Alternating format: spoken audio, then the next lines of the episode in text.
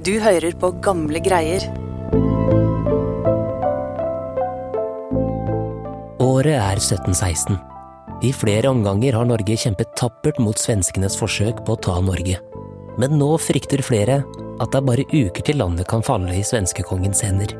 Men da alt så så mørkt ut, kom det en trønder som la fram en plan mange mente var galskap.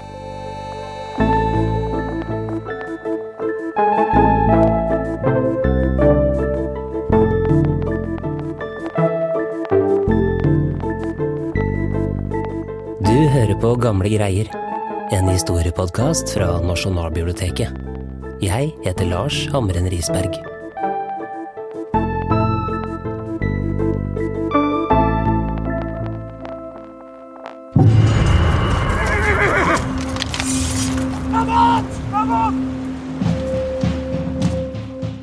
mars 1716 invaderte Sverige Norge med en hær på 7000 mann i det vi i dag kan kalle for et lynangrep.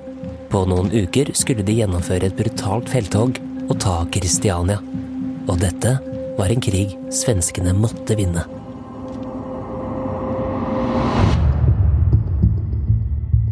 Chris Nyborg, du er lokalhistoriker på Nasjonalbiblioteket. Hvorfor satte svenskene i gang eh, dette angrepet? Sverige hadde i flere tiår vært en av de mektigste stormaktene i Europa, og den mektigste militærstaten i verden.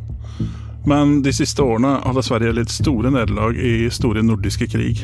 Den hadde pågått i 16 år. De befant seg på defensiven, og var ikke lenger den dominerende makten de en gang var. Og det var en mann som hadde bestemt seg for å gjøre noe med det, nemlig krigerkongen Karl 12. Og noen vil jo mene at han var besatt på å ta Norge. Ja, og spesielt av to grunner. Den ene var jo åpenbart for å sette nasjonen sin respekt overfor land som Russland, Danmark-Norge, Frankrike, England. Og Den andre var personlig. Han hadde sittet med makta siden han var 15 år. Han hadde briljert på slagmarka, men etter nederlaget mot russerne, så visste han at fiendene de frykta ham ikke lenger sånn som de hadde gjort tidligere. Men dersom hans lynangrep mot eh, Norge ble vellykka, så ville de gi han og Sverige bedre kort på hånda ved forhandlingsbordet, og ikke minst ny respekt i Europa. Og våren 1716 satte svenskene i gang angrepet.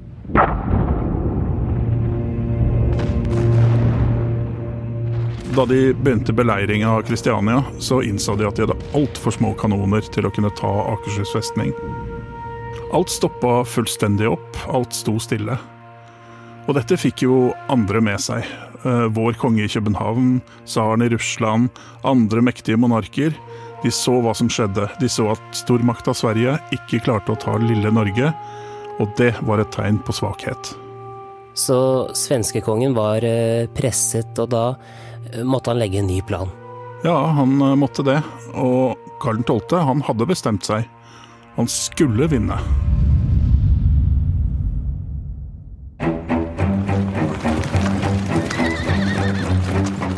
For å vinne krigen så måtte den svenske hæren ha større kanoner, mer ammunisjon, mer mat, nye, friske tropper. Og alt dette krevde at de måtte omorganisere hæren som allerede kjempa i Norge. Den enkleste måten å omorganisere på, det var å flytte seg til et område hvor forsyningene kunne fraktes inn mer effektivt fra Sverige. Og det var jo i Svinesund-området rundt eh, dagens Halden. Og der beit de seg fast. Og der lå de i påvente av de store kanonene fra flåten som skulle gi det endelige nådestøtet. Og så beleiret svenskene Fredriksten festning og da måtte Danmark-Norge finne ut hvor den svenske flåten lå så fort som mulig. Og til slutt så fikk de lokalisert den i dagens Strømstad, i et sted som heter Dynekilen. Ja, men da de fant ut hvor svenskeflåten lå plassert, så steg bekymringene bare enda mer.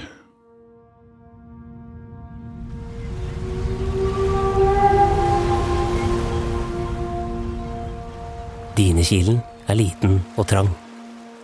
Oppe på land ved bergknausene hadde svenskene batterier med kanoner og fotsoldater som kunne kaste granater på fiendtlige skip som seilte inn. Dette var ikke noe optimalt forhold for en angriper, det var en potensiell dødsfelle for de som våget å seile inn dit.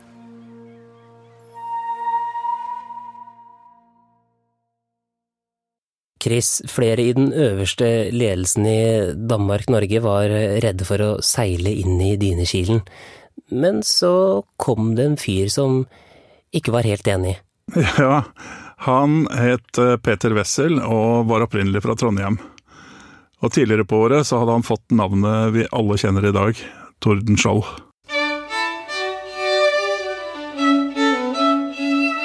Han var i slutten av 20-åra og hadde gjort et karrieresprang som savner sidestykke i skandinavisk marinehistorie. Han gikk eh, fra å være dekksgutt til å bli en av de mest høytstående offiserene i marinen på bare få år. Uh, unge og kjente militære menn de var jo datidas rockestjerner. Og hvis ikke Tordenskjold var på sjøen, så var han på de feteste festene med adelen, eller han kunne være på bordell med damer og masse alkohol.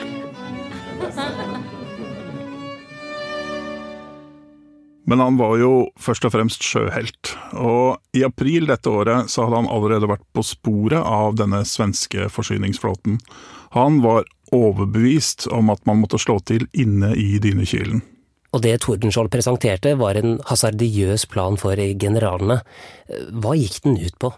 Den var ganske så vågal, for å si det mildt.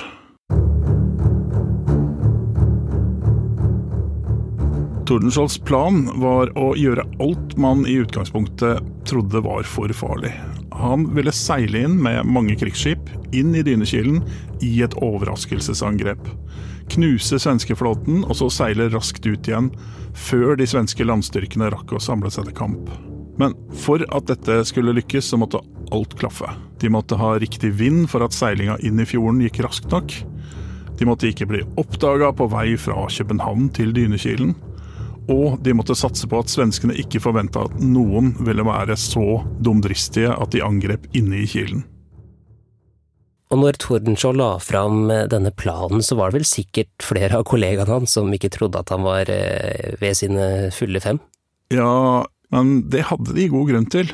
Eh, for å være ærlig, dette var en mann som for ikke lenge siden hadde måttet stå for krigsrett pga. farlige situasjoner han utsatte både seg sjøl og mannskapet for. Eh, og det var bare småtteri sammenligna med planen han hadde i Dynekilen. Men på tross av alle disse faresignalene, så endte man likevel med å gå for Tordenskiolds eh, plan. Hva var grunnen til det? Man visste at Tordenskjold hadde en spesiell evne til å klare slike utfordringer.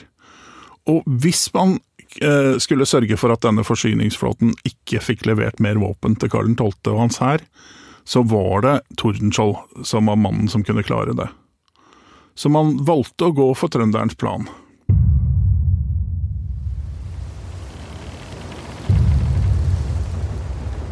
Og den 2. juli 1716 så seilte Tordenskjold ut med sin flåte på sju krigsskip fra København mot Dynekilen i jakten på svenskene.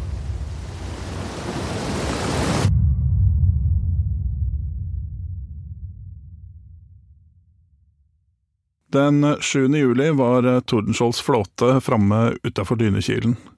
Og de hadde ikke blitt eh, oppdaga av noen svenske skip på veien, så alt lå til rette for et overraskelsesangrep.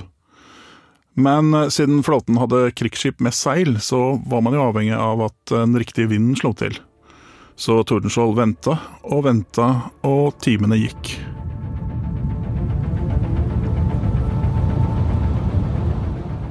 Da klokka hadde passert midnatt og datoen viste 8. juli, så skjedde det. Endelig hørte de og så det. En vestlig, laber bris la seg i området, og Tordenskjold og mannskapet så opp mot mastene og så at vinden traff seilet.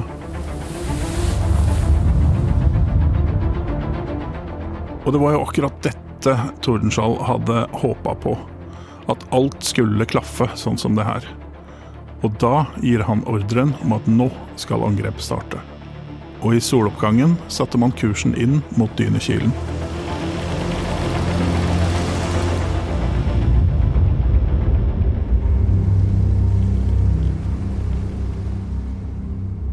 I midten av eh, Dynekilfjorden så gikk Tordenskjold i land. Eh, han skulle speide og se hvordan den svenske flåten lå plassert med sine 14 krigsskip og sine mange lastefartøy.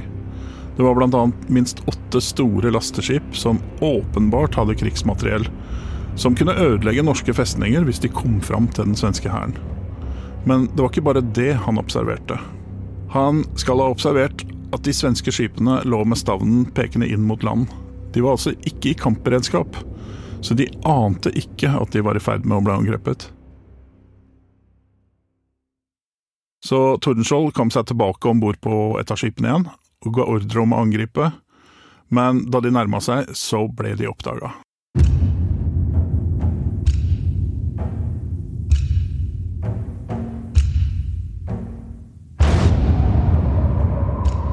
Den svenske flåten begynte å skyte på de dansk-norske skipene. Siden Tordenskiolds flåte ennå ikke var i skuddposisjon, så kunne de ikke skyte tilbake med en gang. Men rundt en halvtime senere, da klokka var åtte på morgenen omtrent, og sommerværet lå over Dynekilen, så åpnet Tordenskiolds flåte ild.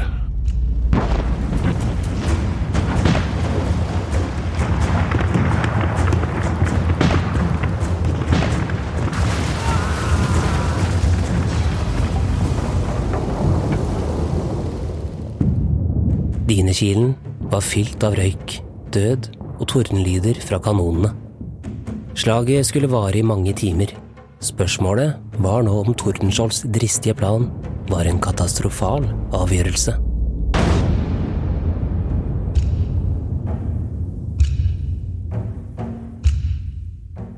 De første timene så svingte det mye fram og tilbake, og i enkelte øyeblikk så så det stygt ut for uh, Tordenskjold. Et uh, forsøk på å slepe flaggskipet hans, Hjelperen, det slo feil, og det ble liggende fast rett nedafor det svenske batteriet. Og der raste det en voldsom artillerikamp i mer enn en time.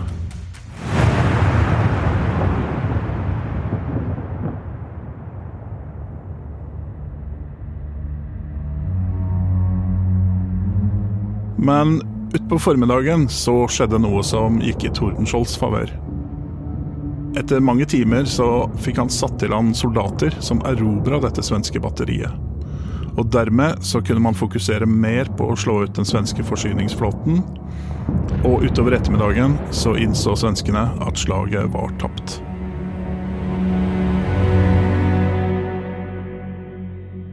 Da prøvde de å sprenge sine egne skip, så de ikke skulle ende opp eh, på dansk-norske hender. Men eh, takket være en heltemodig innsats så fikk man avverga dette.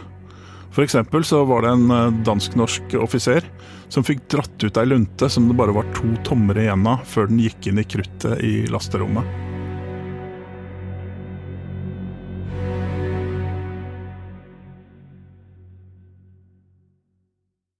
Å ta opp i Dynekilen var jo en katastrofal nyhet å få for svenskekongen og hans generaler. Ja, virkelig. Det er et av de mest fullstendige nederlag vi har sett. Alt av beleiringsartilleriet som skulle brukes i et storangrep på Norge, var enten på bunnen av Dynekilen, eller enda verre, på dansk-norske hender. Og da nyheten om dette voldsomme nederlaget i Dynekilen nådde Karl 12. og hans generaler, så var det spikeren i kista for denne invasjonen.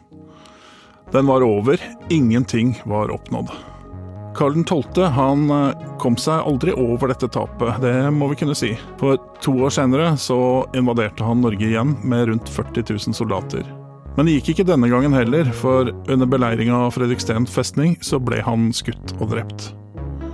Tordenskjold derimot, han ble utnevnt til kommandør, og han ble jo nordmannen som endelig klarte å jage svenskekongen og hans hær ut av Norge etter flere måneder.